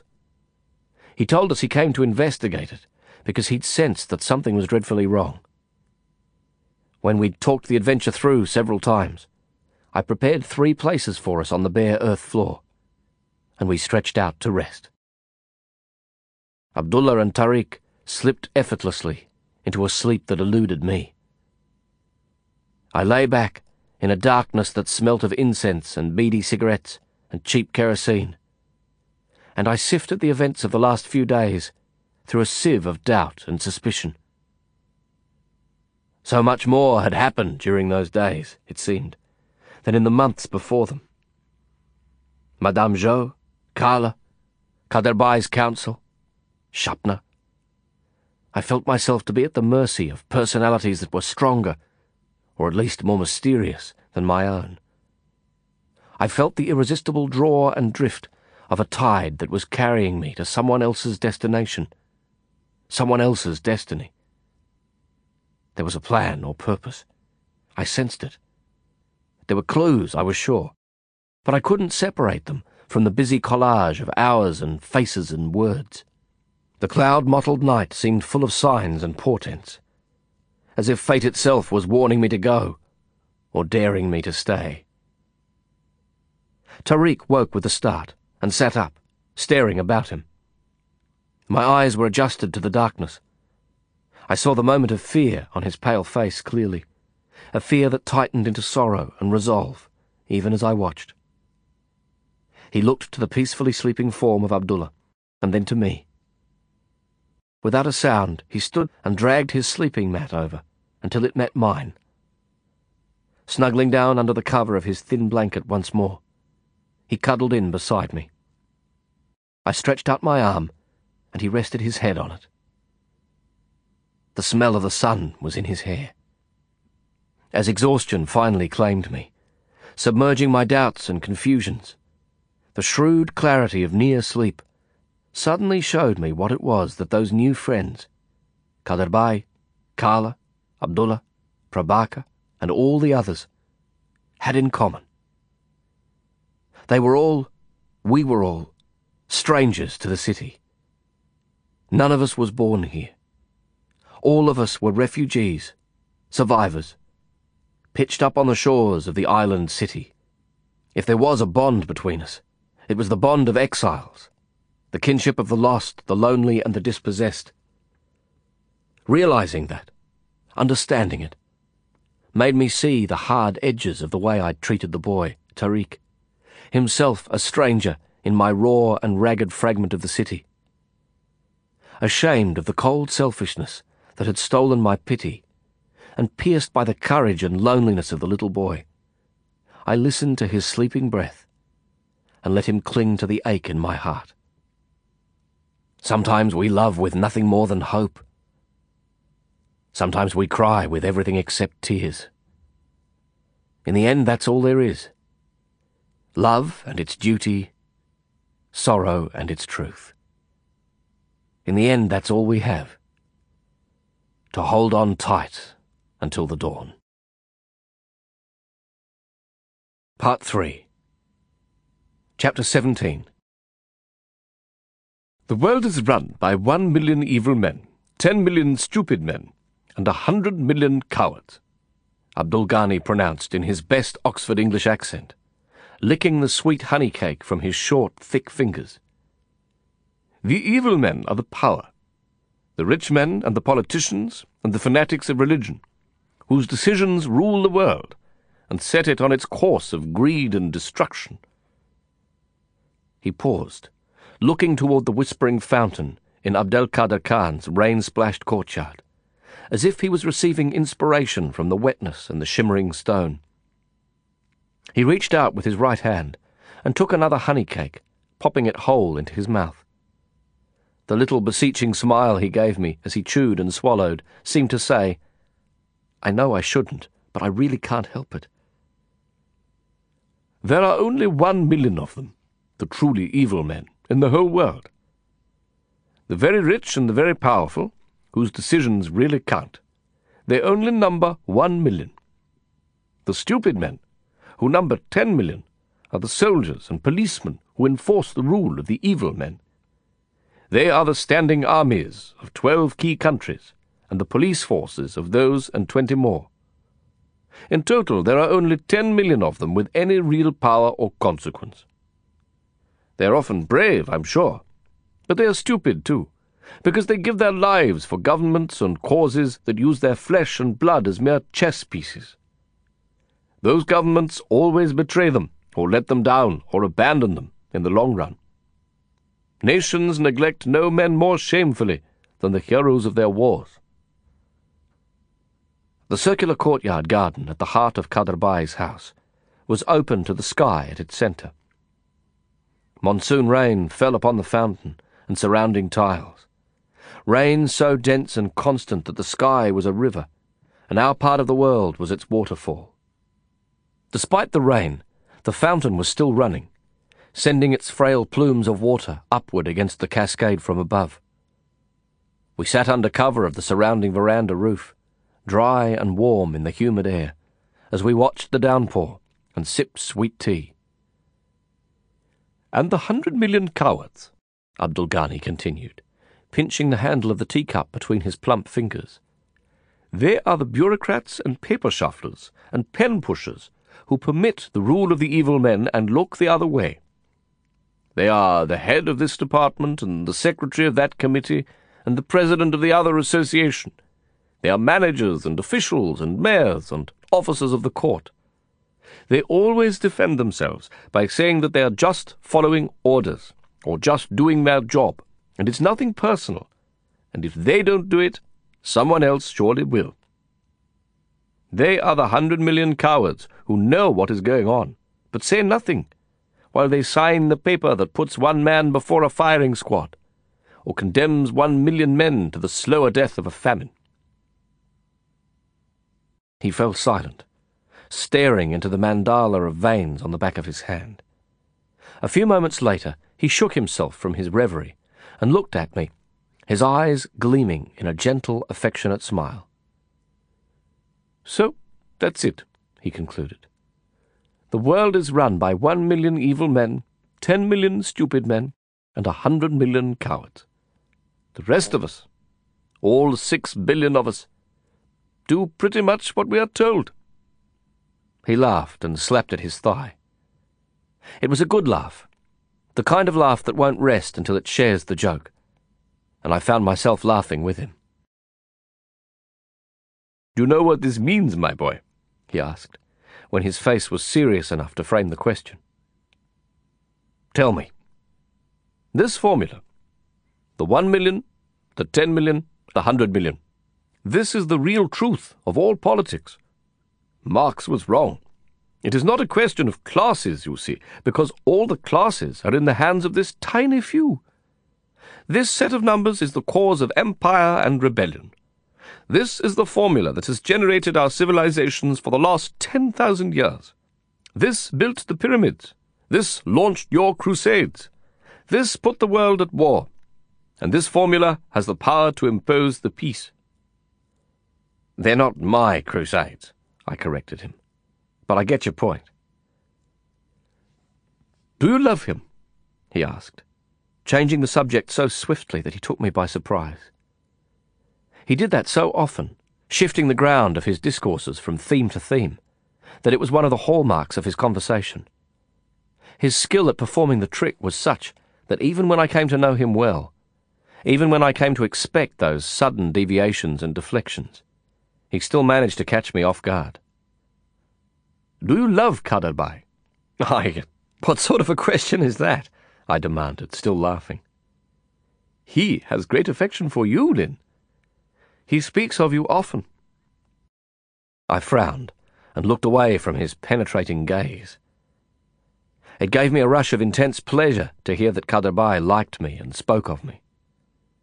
Still, I didn't want to admit, even to myself, how much his approval meant to me.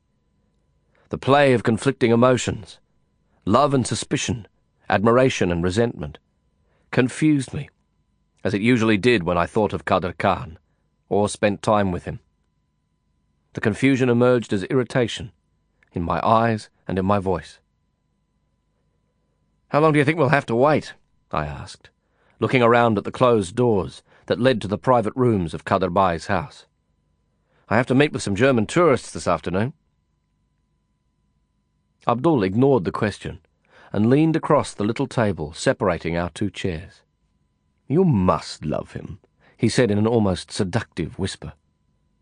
Do you want to know why I love Abdel Kader with my life? We were sitting with our faces close enough for me to see the fine red veins in the whites of his eyes. The embroidery of those red fibres converged on the auburn iris of his eyes, like so many fingers raised to support the golden red-brown discs. Beneath the eyes were thick, heavy pouches, which gave his face its persistent expression of an inwardness filled with grieving and sorrow. Despite his many jokes and easy laughter, the pouches beneath his eyes were swollen, always, with a reservoir of unshed tears. We'd been waiting half an hour for Kaderbai to return. When I'd arrived with Tariq, Kader had greeted me warmly, and then retired with the boy to pray, leaving me in the company of Abdul Ghani. The house was utterly silent, save for the splash of falling rain in the courtyard, and the bubble of the fountain's overburdened pump. A pair of doves huddled together on the far side of the courtyard. Abdul and I stared at one another in the silence, but I didn't speak. I didn't answer his question. Do you want to know why I love this man? Of course I wanted to know. I was a writer. I wanted to know everything. But I wasn't so happy to play Ghani's question and answer game. I couldn't read him, and I couldn't guess where it was going. I love him, my boy, because he is a mooring post in this city. Thousands of people find safety by tying their lives to his. I love him because he has the task, where other men do not even have the dream, of changing the whole world. I worry that he puts too much time and effort and money into that cause, and I have disagreed with him many times about it but I love him for his devotion to it. And most of all, I love him because he is the only man I ever met. He is the only man you will ever meet who can answer the three big questions. There are only three big questions? I asked, unable to keep the sarcasm from my voice. Yes, he answered equably. Where did we come from? Why are we here? Where are we going? Those are the three big questions. And if you love him, Lin, my young friend, if you love him, he will tell you these secrets as well. He will tell you the meaning of life. And when you hear him speak, when you listen to him, you will know that what he says is true. And no one else you will ever meet will answer these three questions for you. I know. I have travelled the earth many times over. I have asked all the great teachers. Before I met Abdel Kader Khan and joined my life to his as his brother, I spent a fortune, several fortunes, seeking out the famous seers and mystics and renowned scientists. None of them ever answered the three big questions. Then I met Kaderbai. He answered the questions for me, and I have loved him as my brother, my soul's brother, ever since that day. I have served him from that day until the little minute that we share. He will tell you the meaning of life. He will solve the mystery for you. Ghani's voice was a new current in the wide, strong river that carried me, the river of the city and its fifteen million lives. His thick brown hair was streaked with grey and smudged completely white at the temples. His moustache, more grey than brown, rested on finely sculptured, almost feminine lips. A heavy gold chain gleamed at his neck in the afternoon light, and matched the gold that flashed in his eyes. And as we stared at one another, in that yearning silence, tears began to fill the red rimmed cups of his eyes. I couldn't doubt the real depth of his feeling, but I couldn't fully understand it either. Then a door opened behind us, and Ghani's round face dissolved into its usual mask of facetious affability. We both turned to see Kaderbai enter with Tariq. Lin, he said with his hands resting on the boy's shoulders. Tariq has been telling us how much he learned with you in the last three months. Three months. At first I'd thought it impossible to endure the boy's company for three days. Yet three months had passed too swiftly, and when the time came to bring him home, I'd returned him to his uncle against the wishes of my heart. I knew that I would miss him. He was a good boy. He would be a fine man the kind of man I once had tried and failed to be. He'd still be with us if you hadn't sent for him, I replied. There was a hint of reproach in my tone. It seemed to me a cruel arbitrariness that, without warning, had put the boy with me for months and had taken him away just as suddenly. Tariq completed his training at our Quranic school during the last two years, and now he has improved his English with you. It is time for him to take his place at college, and I think he is very well prepared. Kaderbai's tone was gentle and patient. The affectionate and slightly amused smile in his eyes held me as firmly as his strong hands held the shoulders of the solemn, unsmiling boy standing in front of him. You know, Lin, he said softly, we have a saying in the Pashto language, and the meaning of it is that you are not a man until you give your love truly and freely to a child. And you are not a good man until you earn the love truly and freely of a child in return. Tariq's okay, I said, standing to shake hands and take my leave. He's a good kid, and I'll miss him. I wasn't the only one who would miss him. He was a favourite with Qasim Ali Hussein. The head man had visited the boy often and had taken him on his rounds of the slum. Jitendra and Radha had spoiled him with their affection. Johnny Cigar and Prabaker had teased him good-naturedly, and they'd included him in their weekly cricket game. Even Abdullah had developed an emotional regard for the child. After the night of the wild dogs, he'd visited Tariq twice every week to teach him the arts of fighting with sticks, scarves, and bare hands. I saw them often during those months, their silhouettes carved on the horizon like figures from a shadow play, as they practiced on the one small strip of sandy beach near the slum. I shook hands with Tariq last, and looked into his earnest, truthful black eyes. Memories from the last three months skipped across the fluid surface of the moment. I recalled his first fight with one of the slum boys. A much bigger boy had knocked him down, but Tariq drove him back with the power of his eyes alone, forcing shame into the boy with his stare. The other boy broke down and wept. Tariq embraced him in a solicitous hug, and their close friendship was sealed. I remembered Tariq's enthusiasm in the English classes that I'd set up for him, and how he soon became my assistant, helping the other children who joined in to learn. I saw him struggling against the first monsoon flood with us, digging a drainage channel out of the rocky earth with sticks and our bare hands. I remembered his face peeping around the flimsy door of my hut one afternoon when I was trying to write. Yes, what is it, Tariq? I'd asked him irritably. Oh, I'm sorry, he'd replied. Do you want to be lonely? I left Abdel Kader Khan's house and began the long walk back to the slum, alone and diminished by the absence of the boy. I was less important somehow, or suddenly less valuable in the different world that closed in on me without him. I kept my appointment with the German tourists at their hotel, quite near Kaderbai's mosque. They were a young couple on their first trip to the subcontinent. They wanted to save money by changing their Deutschmarks on the black market, and then buy some hashish for their journey around India. They were a decent, happy couple. Innocent, generous hearted, and motivated by a spiritual notion of India.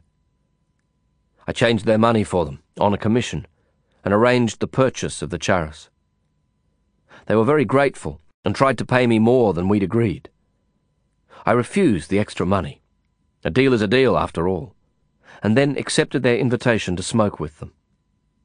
The chillum I prepared was average strength for those of us who lived and worked on the streets of Bombay, but much stronger than they were accustomed to smoking.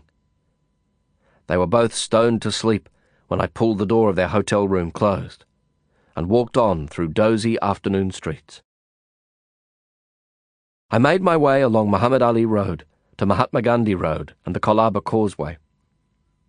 I could have taken a bus or one of the many prowling taxis, but I loved the walk. I loved those kilometres from Chor Bazaar, past Crawford Market, VT Station, Flora Fountain, the Fort area, Regal Circle, and on through Colaba to Sassoon Dock, the World Trade Centre, and the Back Bay. I walked them a thousand times in those years, and they were always new always exciting and always inspiring. As I rounded Regal Circle and paused momentarily to check the coming attractions posters outside Regal Cinema, I heard a voice calling my name. Lin Baba! Hey! Oh, Lin! I turned to see Prabaker leaning from the passenger window of a black and yellow taxi. I walked over to shake his hand and greet the driver, Prabaker's cousin, Shantu. We're going back to home. Jump yourself inside and we'll give you a lift. Thanks, Prabhu, I smiled. I'll keep walking. I've got a couple of stops to make along the way. Okay, Lin, Prabaker grinned. But you don't take too much time. Like sometimes too much time you're taking, if you don't mind that I'm telling your face. Today is a special day, isn't it? I waved until his smile disappeared in the thicket of traffic but then I jumped in fright as a car slammed to a screeching smash beside me. An ambassador had tried to overtake a slower car and had crashed into a wooden handcart, forcing the heavy cart into the side of a taxi, only two metres away from me. It was a bad accident. The handcart puller was seriously injured.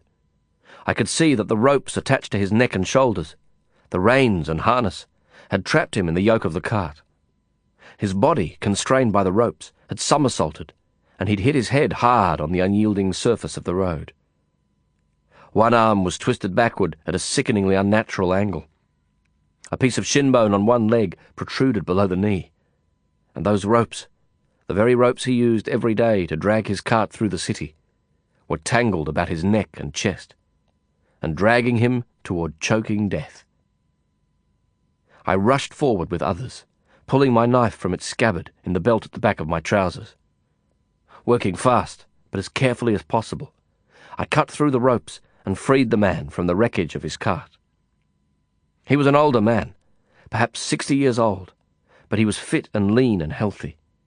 His fast heartbeat was regular and strong, a powerful current with which to charge his recovery.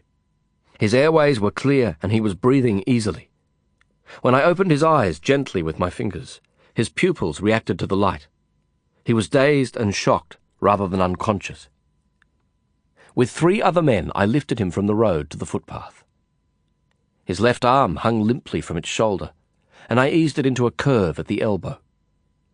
Onlookers donated their handkerchiefs when I called for them. Using four of the handkerchiefs, attached at the corners, I confined the arm to his chest in a makeshift sling. I was examining the break in his leg when a frenzy of screaming and shouts near the damaged cars forced me to my feet.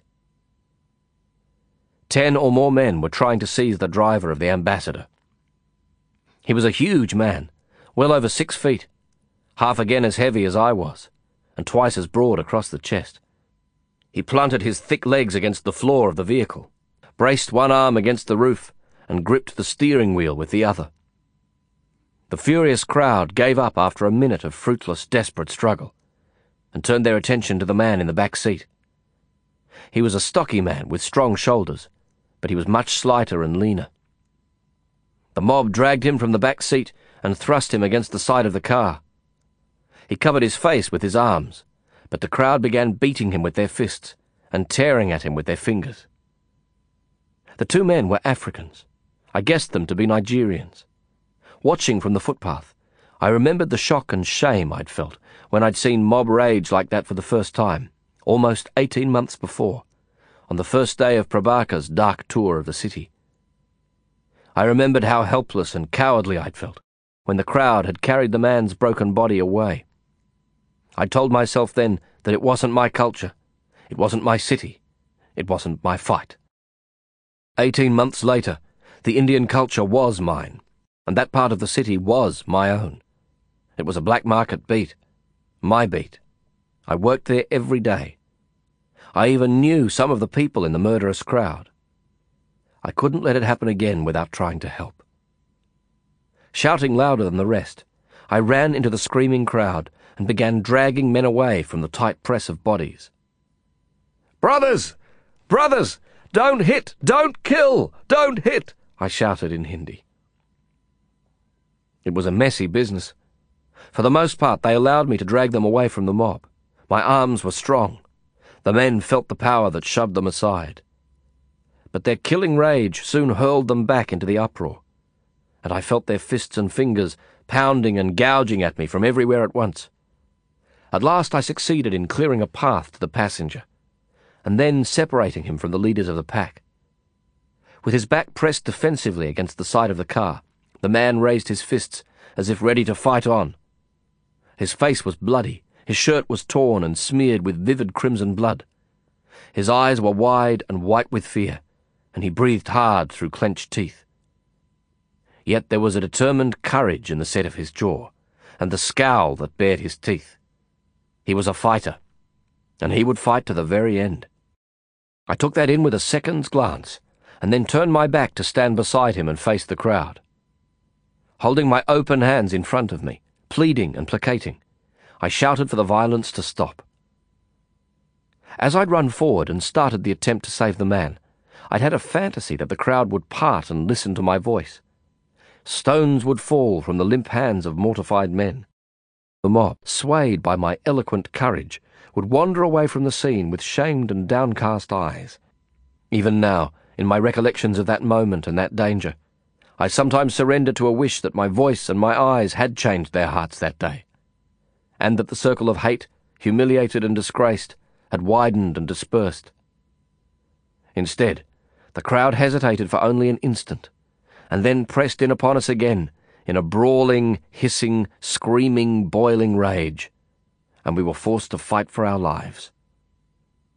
Ironically, the very numbers of the crowd attacking us worked to our advantage. We were trapped in an awkward L shape made by the tangle of vehicles. The crowd surrounded us, and there was no escape. But the crush of their numbers inhibited their movements. Fewer blows struck us than might have been the case had fewer men opposed us, and the thrashing crowd actually struck at themselves quite often in their fury. And perhaps there really was some softening of their fury some reluctance to kill us, despite their urgent desire to cause us pain. I know that reluctance. I've seen it many times, in many violent worlds. I can't fully explain it. It's as if there is a collective conscience within the group mind of a mob, and the right appeal, at exactly the right moment, can turn murderous hate aside from its intended victim. It's as if the mob, in just that critical moment, want to be stopped, want to be prevented from the worst of their own violence. And in that one doubting moment, a single voice or fist raised against the gathering evil can be enough to avert it. I've seen it in prison, where men bent on the pack rape of another prisoner can be stopped by one voice that stirs their shame. I've seen it in war, where one strong voice can weaken and wither the hate filled cruelty that torments a captured prisoner. And perhaps I saw it on that day, as the Nigerian and I struggled with the mob. Perhaps the strangeness of the situation a white man, Agora, pleading in Hindi for the lives of two black men, held them back from murder. The car behind us suddenly roared to life. The heavy-set driver had managed to start the car. He gunned the engine and began to gently reverse away from the wreckage. The passenger and I slowly shuffled and slithered along beside the car as it backed up into the crowd. We struck out, shoving men away from us and wrenching their hands from our clothes. When the driver reached backward over his seat and opened the rear passenger door, we both jumped into the car. The press of the crowd slammed the door. Twenty, fifty hands drummed, beat, slapped, and pounded on the outside of the car. The driver pulled away, heading at a crawl along the Causeway Road. A collection of missiles, tea glasses, food containers, dozens of shoes, rained on the car. Then we were free, speeding along the busy road and watching through the rear window to make sure we weren't followed. Hassan Obikwa, the passenger beside me said, offering his hand. Lin Ford, I replied, shaking his hand and noticing for the first time how much gold he wore. There were rings on every finger, some of them closed around blue white glittering diamonds. There was also a diamond encrusted gold Rolex hanging loosely at his wrist. This is Rahim, he said, nodding to the driver. The huge man in the front seat glanced over his shoulder to offer me a broad grin. He rolled his eyes in a survivor's happy prayer and turned to face the road. I owe you my life, Hassan Obikwa said with a grim smile. We both do. They wanted to kill us back there, that's for sure. We were lucky, I answered looking into his round, healthy, handsome face and beginning to like him. His eyes and his lips defined his face. The eyes were unusually wide set and large, giving him a slightly reptilian stare, and the marvellous lips were so full and sumptuously shaped that they seemed to be designed for a much larger head. His teeth were white and even at the front, but all the teeth on either side were capped with gold. Rococo curves at the corners of his wide nose gave his nostrils a delicate flare, as if he was constantly inhaling a pleasantly intoxicating scent. A wide gold earring, conspicuous beneath his short black hair and against the blue-black skin of his thick neck, pierced his left ear. I glanced at his torn, bloody shirt, and at the cuts and bruises that were swelling on his face and every exposed centimetre of flesh. When I met his eyes again, they were glittering with excited good humour. He wasn't too shaken by the violence of the mob, and neither was I. We were both men who'd seen worse, and had been through worse, and we recognized that in each other immediately. In fact, neither of us ever mentioned the incident directly after that day of our meeting. I looked into his glittering eyes, and I felt my smile stretching to match his. We were damn lucky. Fuck yes, yes we were, he agreed, laughing hard and slipping the Rolex watch from his wrist. He held it to his ear to make sure it was still ticking. Satisfied, he snapped the watch back on his wrist and gave his full attention to me. But the debt is there, and the debt is still important, even if we were very lucky. A debt like this, it is the most important of all a man's obligations. You must allow me to repay you. It'll take money, I said. The driver glanced in the rear vision mirror and exchanged a look with Hassan. But this debt cannot be repaid with money, Hassan answered. I'm talking about the cart puller, the one you hit with your car, and the taxi you damaged. If you give me some money, I'll see that it gets to them. It'll go a long way to calming things down at Regal Circle. That's in my beat. I have to work there every day, and people are going to be pissed off for a while yet. Do that, and we'll call it square. Hassan laughed and slapped his hand on my knee. It was a good laugh, honest but wicked, and generous but shrewd. Please don't worry, he said, still smiling broadly. This is not my area, it is true, but I am not without influence even here. I will make sure that the injured man receives all the money he needs. And the other one, I added. The other one? Yes, the other one. The other what? he asked, perplexed. The taxi driver. Yes, yes, the taxi driver also. There was a little silence, humming with puzzles and questions. I glanced out of the window of the cab but I could still feel his inquiring eyes on me. I turned to face him again. I like taxi drivers, I said. Yes. I I know a lot of taxi drivers. Yes. And that cab being smashed up, it'll cause a lot of grief for the driver and his family. Of course. So, when will you do it? I asked. Do what? When will you put the money up for the cart puller and the cab driver? Oh! Hassan Obikwa grinned, looking up again into the rear vision mirror to exchange a look with Rahim. The big man shrugged and grinned back into the mirror. Tomorrow. Is tomorrow okay? Yeah, I frowned, not sure what all the grinning was about. I just want to know so that I can talk to them about it. It's not a question of the money. I can put the money up myself. I was planning to do it anyway. I've got to mend some fences back there. Some of them are acquaintances of mine. So that's why it's important. If you're not going to do it, I need to know so that I can take care of it myself. That's all. The whole thing seemed to be getting very complicated. I wished I'd never raised the matter with him. I began to feel angry at him, without really understanding why. Then he offered me his open palm in a handshake. I give you my word, he said solemnly, and we shook hands. We were silent again, and after a few moments I reached over to tap the driver on the shoulder. Just here is fine, I said, perhaps a little more harshly than I'd intended. I'll get out here. The car pulled into the curb, a few blocks from the slum. I opened the door to leave, but Hassan gripped my wrist. It was a very strong grip. For a second, I calculated all the long way upward to the much greater strength I knew must be in Rahim's grip. Please, remember my name. Hassan Obikwa. You can find me at the African ghetto, in Andheri. Everyone knows me there. Whatever I can do for you, please tell me. I want to clear my debt, Lin Ford. This is my telephone number. You can reach me from here at any time of the day or the night. I took the card. It bore only his name and number, and shook his hand. Nodding to